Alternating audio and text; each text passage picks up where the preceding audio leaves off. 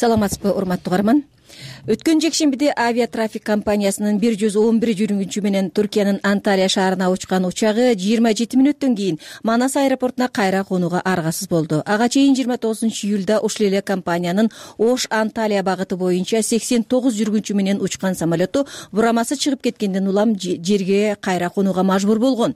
Кыргызстандык жарандык авиация тармагы эмне үчүн өнүгө албай жатат? Эмне үчүн учуулардын жана жүргүнчүлөрдүн коопсуздугун камсыз кылуу талабы аткарылбайт. Бүгүнкү арай көз чырайдын талкуусунун э, негизги темасы мына ушул. Талкууга транспорт жана жол министрлигинин жарандык авиация бөлүмүнүн баш кадиси арзымат матмуратов жарандык авиация агенттигинин учууга жарактуулугун колдоо бөлүмүнүн башкы инспектору муханбек алайчиев жана биринчи класстагы учкуч кыргызстан аба жолдору авиакомпаниясынын мурдагы президенти төлөнбек арпачиев ысык көлдөн телефон аркылуу катышат. Урматтуу угарман бул маселе боюнча сизде суроо же пикир болсо талкуунун учурунда жыйырма бир токсон төрт жыйырма бир телефонуна чалып биз менен байланышсаңыз болот. Анда алгачкы суроо арзымат мырза сизге. Мына кыргызстанда авиация тармагында кызмат көрсөткөн болгону төрт гана авиакомпания бар экен. Алардын отуз алты самолету болсо жарымы жараксыз болуп атыптыр. Учуп жаткандар азыр деле учуп жаткандары жарабай баратканын акыркы окуялар э, далилдеп койду окшойт.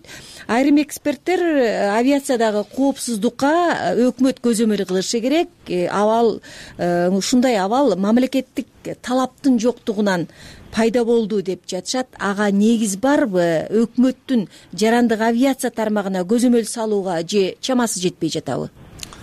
Саламатсыздарбы урматтуу радио угуучулар бул маселе туура маселе койдуңуздар. Азыркы учурда негизинен айтып кеткенде бул биздин министрлик транспорт жана жол министрлиги бул жарандык авиация тармагындагы саясатты жүргүзө турган кыргыз республикасынын өкмөтү тарабынан укук берилген мамлекеттик орган болуп эсептелет. Сиз айтып аткан маселе туура азыркы учурда кыргызстанда төрт авиакомпания учууларды аткарат деп айттыңыз. Бирок азыркы учурда үч авиакомпания учууларды аткарат. Эйр кыргызстан азыркы учурда белгилүү бир себептерден учууларды аткарбай келет. Авиатрафик эйр манас тез жет авиакомпаниялары учууларды азыркы учурда аткарып жатат. Мамлекет тарабынан кандай көзөмөл? Биздин министрлик түздөн түз мисалы үчүн биздин жарандык авиация агенттиги менен авиакомпаниялар менен түздөн түз э, иштешебиз. Э, керектүү нормативдик правовый акттарды иштеп чыгабыз. Э, ошол эле учуулардын коопсуздук жаатында бул маселе боюнча биз тыгыз иштейбиз бирок натыйжа башкача болуп жатпайбы. Эмне үчүн талап эл аралык жана кыргызстандын мыйзамдарында көрсөтүлгөн талаптардын аткарылышына министрликтин көзөмөл кылуусуна чама жетпей жатабы? Жок биз э, кыргыз республикасынын аба кодексинин негизинде э, кыргыз э, биздин министрлик саясатты алып барат. Ал эми биздин алдыбызда жарандык авиация агенттиги бул көзөмөл ушул э, саясатты ишке ашыруу боюнча э, көзөмөл аткаруучу органбы орган болуп саналат. Анда э, суроону сизге жөнөтөйүн мухамбек мырза. Мына кыргызстан евро биримдиктин кара тизмесинен чыга албай келе жатканына он эки жыл болду э быйыл. Ошондон бери эле аракет көрүп жатабыз деп жатасыздар мыйзамдарды оңдош керек деп бир катар долбоорлорду ишке ашырыш керек деп аракет кылып жатасыздар. Бирок натыйжада чыккан жери жок. Буга эмне себеп эмне үчүн кыргызстандагы самолеттордун сапатына көңүл бурулбай жатат. Э, саламатсыздарбы урматтуу радио угуучулар э, айткан суроолорго туура жооп бергенге аракет кылайын. Мен жана сиз айткан сөзгө мындай туура баа бериш үчүн э, аткарылбайт деген эмеге макул эмесмин да. Аткарылып жатат аткарылганда дагы биз өзүбүздүн келген деңгээлибизге билген билгенимизге ылайыктуу аткарылып жатат да анан ошол эле эл аралык нормалар эл аралык э, талаптар аткарылганга шарттар бар. Аткарып атабыз анан кийин бул авиационная безопасность дегенде бир эле бир термин өтө эле көп мындай чоң тармактарды өзүнө камтыйт да. Биринчиден бул ошол эле пилотторду даярдоо жагынан экинчи жагы ошол эле учактарды тейлөө убагында аларга жанагындай обычный эле кызмат көрсөтүү да. Ошого карап анан кийин алар дагы жакшы өзүнүн милдетин аткарып берет да. Бүгүнкү күнү келгенде ошол эле эки аэробус бар ушул авиакомпаниянын трафиктегенде баардык жасалган программалар аткарылып жатат. Ар бир учактын өзүнүн мындай тейлөө программалары болот. Ошолорду аткарып жатабыз. Азыркы болгон мына акыркы немелер болгондо бул өндүрүштү кемчилик болуп чыгып атат. Ошол курулуп атканда ошол моторлордун бир тетиктери дефектный болуп курулуп калган чагында азыр эми самолет жасалып аткандабы самолет жасалып атканда. Ооба. А сатып алып жатканда эмне үчүн ага көңүл бурушкан эмес текшерип алат да? Текшерип алат текшергенде дагы бул техника экен да.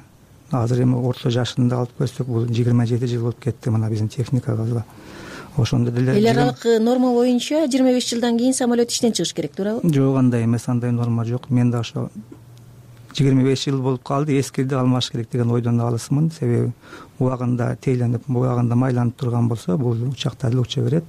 Өзүнүн астына койгон максатын аткара берет да. Э, төлөмбек мырза сиз бизди угуп жатасыз да? Угуп атам? Саламатсызбы? Э, бул сиз саламатсыз сиз эл аралык каттамдарга учкан биринчи класстагы учкучсуз демек кыргызстандын авиациясындагы кооптуу кырдаалдын пайда болушунун себебин дагы жакшы билсеңиз керек деген ойдомун да. Эмне үчүн коңшу мамлекеттердин авиациясынын деңгээли өсүп жатат? Эл аралык катаандаштыкка туруштук берүүгө да жарап калды да. Бирок кыргызстандын э, авиация тармагы кара тизмеден чыга албай учуу коопсуздугун камсыз кыла албай жатат. Буга эмне себеп деген ойдосуз чоң рахмат сөз бергениңизге. Мен айтып кеттиңиз айтып кеттиңиз мен кырк алты жыл кырк алты жыл иштедим жарандык авиацияда. Э, э, бул жарандык авиацияны мен айткан оюм мына азыркыдай мына азыркы эки адистин сөздөрүн угуп отурам мен угуп отурам азыркы сөз менен ошондой ушундай суроолорду ушундай чечсек биз эч качан жарандык авиациянын проблемасын чечпейбиз. Эмне үчүн десе мен агентстводо он жыл иштеп кеттим. Ал жердеги адистердин баарын билемин. Мен азыр айтсам жарандык авиация терең реформа керек болуп атат. Азыр канча жыл уже жыйырма отуз жылга жакындап баратат кыргызстанда самолеттору жок. Самолеттордун баары тең уже баары тең эскирип бүттү ошонун баарын тең азыр деген ошол орчундуу маселенин баары тең президентке э, өкмөткө коюш керек болуп атат. Койгон кишилер жок. Министерство көңүл бурбайт. Агентстводагы э, башчылары адистери эч качан эметпей эле биз көзөмөлдөп атабыз биз карап атабыз тигинтип атабыз мынтип атабыз дегенден башка жака эч жака жылбайт. Ошол орчундуу маселелерди алып келип туруп өкмөттүн ордуна премьер министрдин ордуна коюп туруп айтыш керек кыргызстанда самолеттор вертолеттор жок болуп калды. Компаниялардын баары токтоп атат. Э, кыргыз эйр кыргызстан деген компания токтоп калды. Элдердин баары отпускасы э, без содержания болуп жүрүшөт. Э, азыр иштеп аткан трафик менен тез жет анан кийин эйр манас болуп калды. Кыргызстанда самолет жок болуп калды. Президенттин самолетунан башка самолет жок. Бизде менчикте ошон үчүн министрлер э, көңүл бурбайт. Агентствонун башчылары да көңүл бурбайт. Алмашылып эле адистер мына адис жактарынан да көп катуу караш керек. Терең караш керек. Адистерди реформа кылыш керек. Сиз реформа кылыш керек деп жатасыз. Ошонун эң биринчи кадамы эмне болуш керек?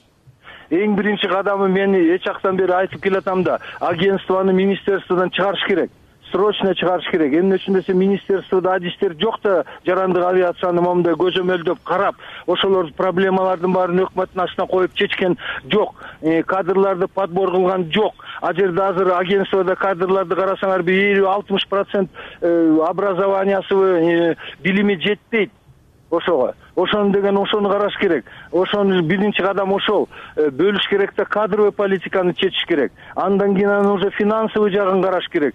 Өкмөттөр деген программаны түзүп туруп ушу жарандык авиацияга моундай көңүл бурбасак андан беш бетер жаман болуп атат. Жана сиз маселе алып келдиңер тиякта бирөөсү бура албай калды биякта тиги самолет учуп келатып кайра конуп атат. Бул жерде тиги моторлору бирдемке болуп дагы башка бирдемке болуп атат. Ошон үчүн аяктагы дагы адистердин билими жетпей атат. Ошону терең реформа кылбаса азыр болбойт срочно.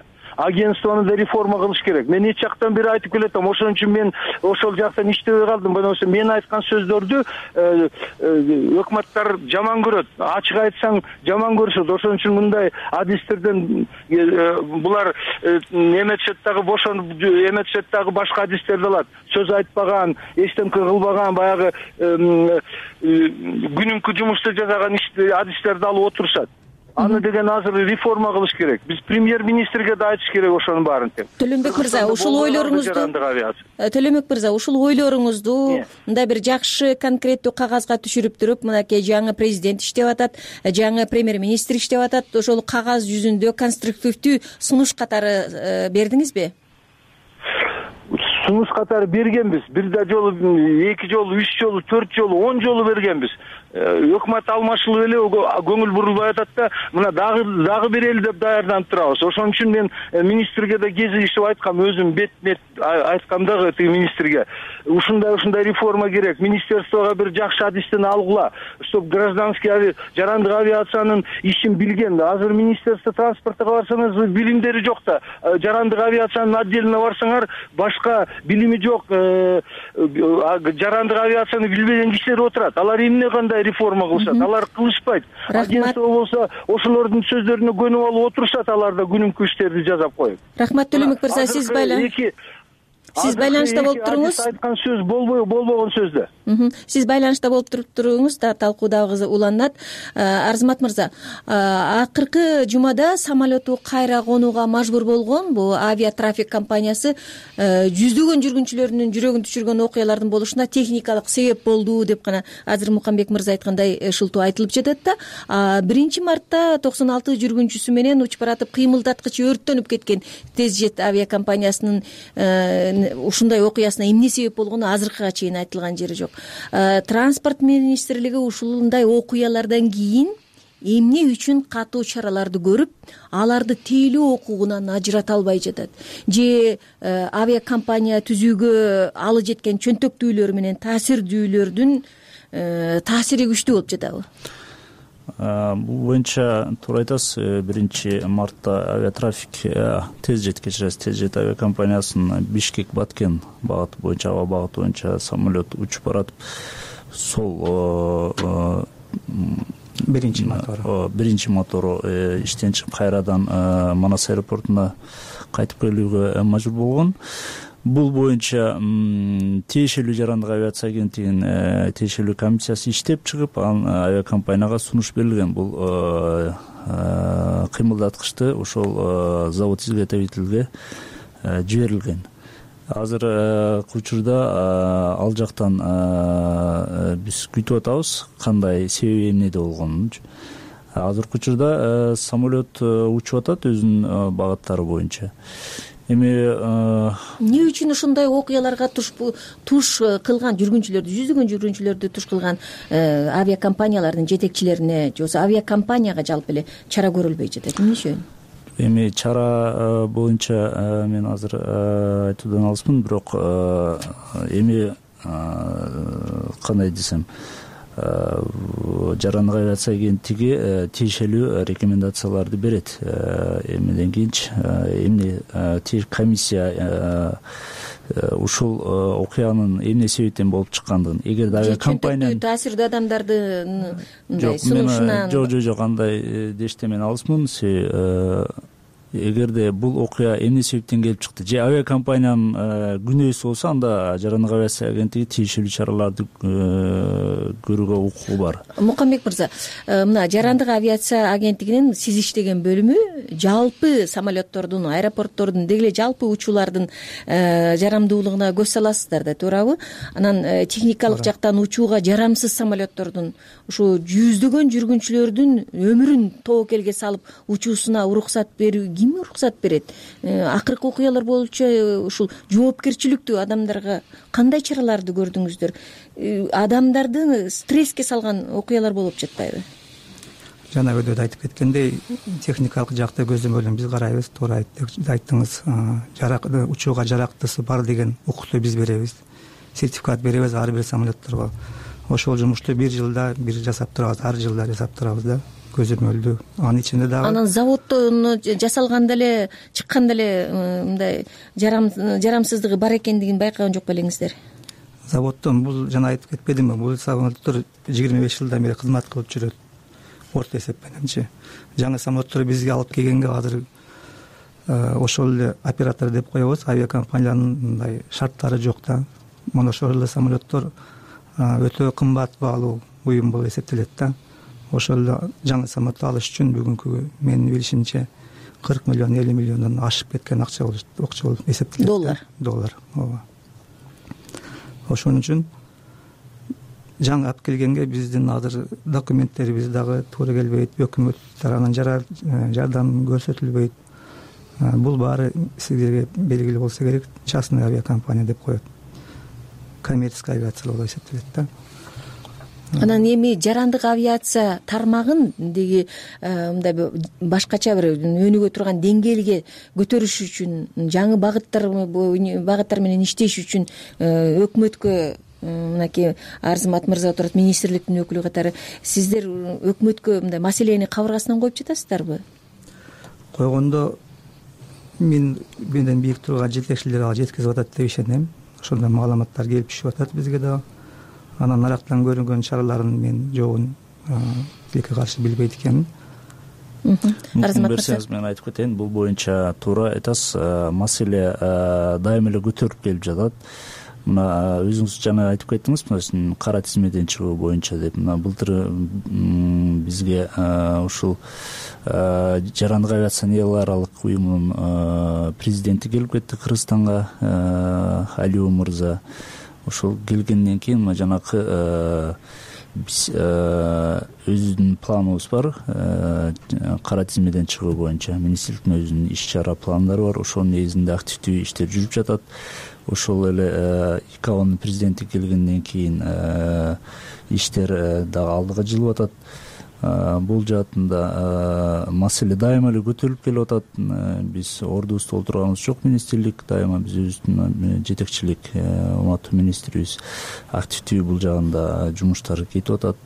Э, бизде азыркы учурда жарандык авиация тармагын э, эки миң он алты эки миң жыйырма э, жылдарга өнүктүрүү боюнча өкмөттүн программасы бар анын негизинде тиешелүү иштер жүрүп жатат. Эми бул жаатында туура кээ бир кээ бир учурларда туура кемчиликтер бар аны мойнунга алыш керек. Бирок ошол эле учурда жетишкендиктерди айтып кетиш керек да бул жердечи. Туура азыркы учурда ушул Э, биздин эң эле көйгөй ушул кара тизме төлөнбек мырза жогоруда айтпадыбы ушу кырдаалды туура түшүнгөн кесипкөй адистер жок болуп жатат деп жарандык авиацияда дагы э, министрликте да ошого негиз барбы туура төлөнбек бекенин айткандай эле туура маселе бар э, көйгөйлөр бар аны мойнунга алыш керек. Бирок эми көйгөй бар деп эле отура берген туура эмес. Бирок э, ошонун негизинде да э, иштерди биз алып барып атабыз. Анан бир маалымат айтып койсом болот. Мисалы үчүн азыр кадр маселеси деп атабыз. Биз быйыл мына э, өзүңүз билгендей авиа колледж бар болчу ишемей абдырайымов атындагы азыркы учурда ал жогорку окуу жай болуп түзүлдү кайрадан түзүлдү. Эми бул мындан ары жогорку билимдүү авиация тармагында жогорку билимдүү кесипкөй э, адистерди чыгара баштайт. Ошо кесипкөй адистерди даярдоочу окутуучу профессордук состав кандай? Эми буюрса мына түзүлүп азыркы эми авиаинститут эми жаңы түзүлдү да эми акырындан э, бизде мисалы үчүн авиаинституттун башка мамлекеттер менен э, ала калуу эмелери келишимдери бар. Анын негизинде ал жактан тартып кесипкөй инсандарды буюрса техникалык база барбы техникалык база буюрса түзүлүп атат. Мына маалымат иретинде эле айтып кетсек мына ош шаарынан авиатрафик э, э, компаниясы э, бир учагын берген бизге. Ошону жакын арада эле мына март айында жакшы.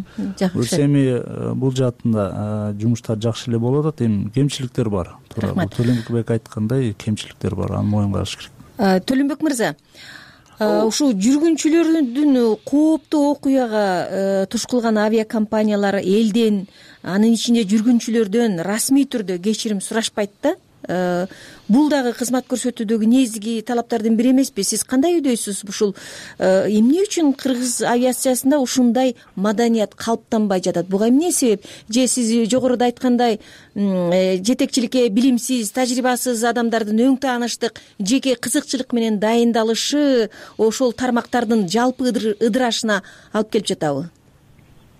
Мен азыр кичине бир токтолуп кетейин өйдөгү айткан сөздөрдү. Жанакы э, учкучтардын ушундай э, учуп келатып кайра аэродромго конуп. Же болбосо э, мына азыркы адистер айтып атат. Биз деген расследование кылып атабыз тергеп атабыз карап атабыз анан кийин рекомендация тигиндей мындай мероприятиялар ошолордун мероприятиялардын баары кагазда калып атат ошолорду жакшы чектеп ошолорду жакшы контролдоп эмне кылып атасыңар деп ошого требование жетпей атат. Ошону э, келип э, эметип айткан сөздөрдү. Булар мен мындай бир жөн эле сөз айтайынчы булар коркуп атышат да ошол сөздө маанилердин баарын көтөрүшкө мына адистер министерстводагы адистер э, агентстводо отурган адистер. Бул э, министр транспорт көтөрүш керек тиги жерден директор агентство көтөрүш керек ошол маселелерди коркпой туруп премьерге айтыш керек. Момундай момундай проблема болуп атат тиги жарандык авиацияда. Мынтип отурсак андан беш бетер жаман болуп кетиши мүмкүн деп айтыш керек. Ошону айта албай атат да. А эмнеден коркот эмнеден коркот? Кызмат ордун жоготууданбы жумушун жоготот. Министрликтен алып таштайт мына канча министр алмашылды? Канча директор агентство алмашылды? Менин иштеп аткан эле кезекте бир он беш директор агентство алмашылды. Биякта министерство алмашылып атат. Тиги э, жана перчатка деп орустар айткандай. Ошолордун баарын ошолорду көтөрбөй атпайбы булар? Анан көтөрөлү десе булардын терең билимдери жетпей атат. Булар деген ошол жанакы э, чукуп түбүнө жете албай атышат булар эмне проблема? Ошол проблеманы кандай чечиш керек экенин ошонун жолун билбей атышат буларчы. Анан кийин мероприятие кылдык деп коет а сиз айткандай жанакы э, авиакомпаниялар эмне тиги жүргүнчүлөрдөн кечирим сурабай атат эмне үчүн булар? Потому что бул агентствонун жарандык авиациянын агентствосунун политикасы жаман болуп атат. Политикасы болбой атат. Булар күрүңкү текучка менен гана жүрүшөт а жана мероприятияларды такымдап алып жазагыла жазабасаңар компанияны жабабыз же болбосо тигиндей кылабыз деген иштер жок кылынбай атат. Мына азыр жогорку билим кылдык деп атат. Жогорку билим кылганда мурун колледж болуп турганда ошол жердеги канча он жылдап э, жүздөгөн специалисттер келип атат баары тең жумушу жок жүрөт. Аэропорт албайт авиакомпания албайт эмнеге дипломдорду алып алып алар жүрүшөт специалисттер. Эч ким албайт аларды. Мына азыр университет кылды базаны оңдош керек. База ал жерде базаны жүз процент эки жүз процент э, алмаштырыш керек базаны. Эски илгерки советтердин убагындагы базалар анан кийин биздин специалисттерди бүткөндөн кийин жумушка алып ошолорду ошолор опыт алыш керек ошолорду үйрөнүш керек ошолор деген бул жумуштарды алып кетиш керек бизден кийин могу пенсионерлер ветерандардан кийин. А ким алып кетет алар жумушу жок деп талаалап жүрүшөт же болбосо эң жакшы болсо тиги россия же казакстан же бир жака кетип атышат. Рахмат. Аны караган эч ким жок аны проблеманы көтөргөн эч ким жок анан кийин ошондой мамиле болгондон кийин авиакомпаниялар эмнеге жүргүнчүлөрдөн кечирим сурап тигиндей кылып койгула мындай кылып койгула? Дебейт да андай рахмат. Мукамбек мырза мына кандай политика кылса ошондой политика боло берет боло берет. Ошон үчүн мен министр транспортко да айтканмын алар мен айтсам алар мени жаман көрүшөт вот мына арпачиев тигинтип атат минтип атат биздин жетишкендикти көрбөй атат. Мына жетишкендиктерди азыр эмненин жетишкендиктерди айтты? Булар айткан жок. Документ кылып атабыз законотворчество кылып атабыз тигиндей кылып атабыз мындай кылып атабыз все болду андан башка. Кара кара тизмеден чыгабыз деп атат. Кантип чыгабыз если самолеттордун баары рахмат. сынып же болбосо эметип атса рахмат төлөбек мырза. Мухаммед мырза мына айтылган сындарды эске алып э, алат болушуңуздар керек деген ойдомун да. мына жүргүнчү кооптуу кырдаалга туш болгон авиакомпаниялардын жетекчилери болгон окуянын себептери жөнүндө эмне үчүн элге э, так маалымат беришпейт? Алар муну менен жарандардын анын ичинде ошол жүргүнчүлөрдүн маалымат алуу укугун бузуп жатышкандыгын сезишеби эгер соттук процесске да бул негиз болуп берет го? Туура мындай кайрылууга укуктары бар. Ар бир жарандын ар бир э, э, жанагы кызмат алган эмелердин укуктары болот ошол айткан сөздөрүн кемчиликтерди биз э, ойго алып эртең аткарууга аракет кылабыз. Ошол маалыматтарды жеткизебиз ошол э, операторлорго. Арзымат мырза ушу кыргызстанда жылына жалпы орто эсеп менен үч миллиондон ашык адам самолет менен учуп жүргүнчү болот экен. Анан э, ошол жол азабын тарткан жүргүнчүлөргө кам көрүү талабы мыйзамда жазылган бирок аткарылган жери жок деген дегенди ойго келип жатабыз да. Демек дагы эле өкмөттүк көзөмөл анан кийин талаптын жоктугу ушуга жол берип жатабы андай деп да айта албайм себеби талап кандай талап? Мыйзамда жазылган талаптардын нормалардын аткарылышынын көзөмөлдөөнүн жоктугу ушуга алып келип жатабы жок талаптардын баары эле аткарылып атат эми э, бул э, байке жана төлөнбек байке айтып кетпедиби э, көтөрүлгөн маселелердин көптөрү туура эле маселе биз моюнга алабыз проблемалар эмелер бар. Бирок жанакы айтып аткан авиакомпаниялар э, кечирим сураш керек андай мындай деген маселе. Мисалы үчүн эгерде ошол эле э, учак кайтып келгенден кийин авиакомпания тиешелүү жарандар менен э, иш алып барды. Аларды башка учакка салып же тамак аштарын алардын милдети да? Ооба рахмат. Анда эмесе ушул талкуудан э, кыргызстандын жарандык авиациясын э, деңгээлин көтөрүш үчүн тезинен өкмөттүк деңгээлде аракет көрүү зарыл экен деген ойдо бүгүнкү талкуубузду аяктайлы урматтуу угарман сиз кыргызстандын авиация тармагы эмне үчүн өнүкпөйт деген э, маселени суроо издеген арай көз чырай талкуусунун бүгүнкү талкуусуна ортоктош болдуңуз. Талкууга транспорт жана жол министрлигинин жарандык авиация бөлүмүнүн баш кадиси арзымат матмуратов жарандык авиация агенттигинин учууга жарактуулугун колдоо бөлүмүнүн башкы инспектору муканбек алайчиев жана биринчи класстагы учкуч төлөнбек арпачиев катышты. Талкууну мен бүбү кандосалиева алып бардым кайрадан жолугушканча саламатта болуңуздар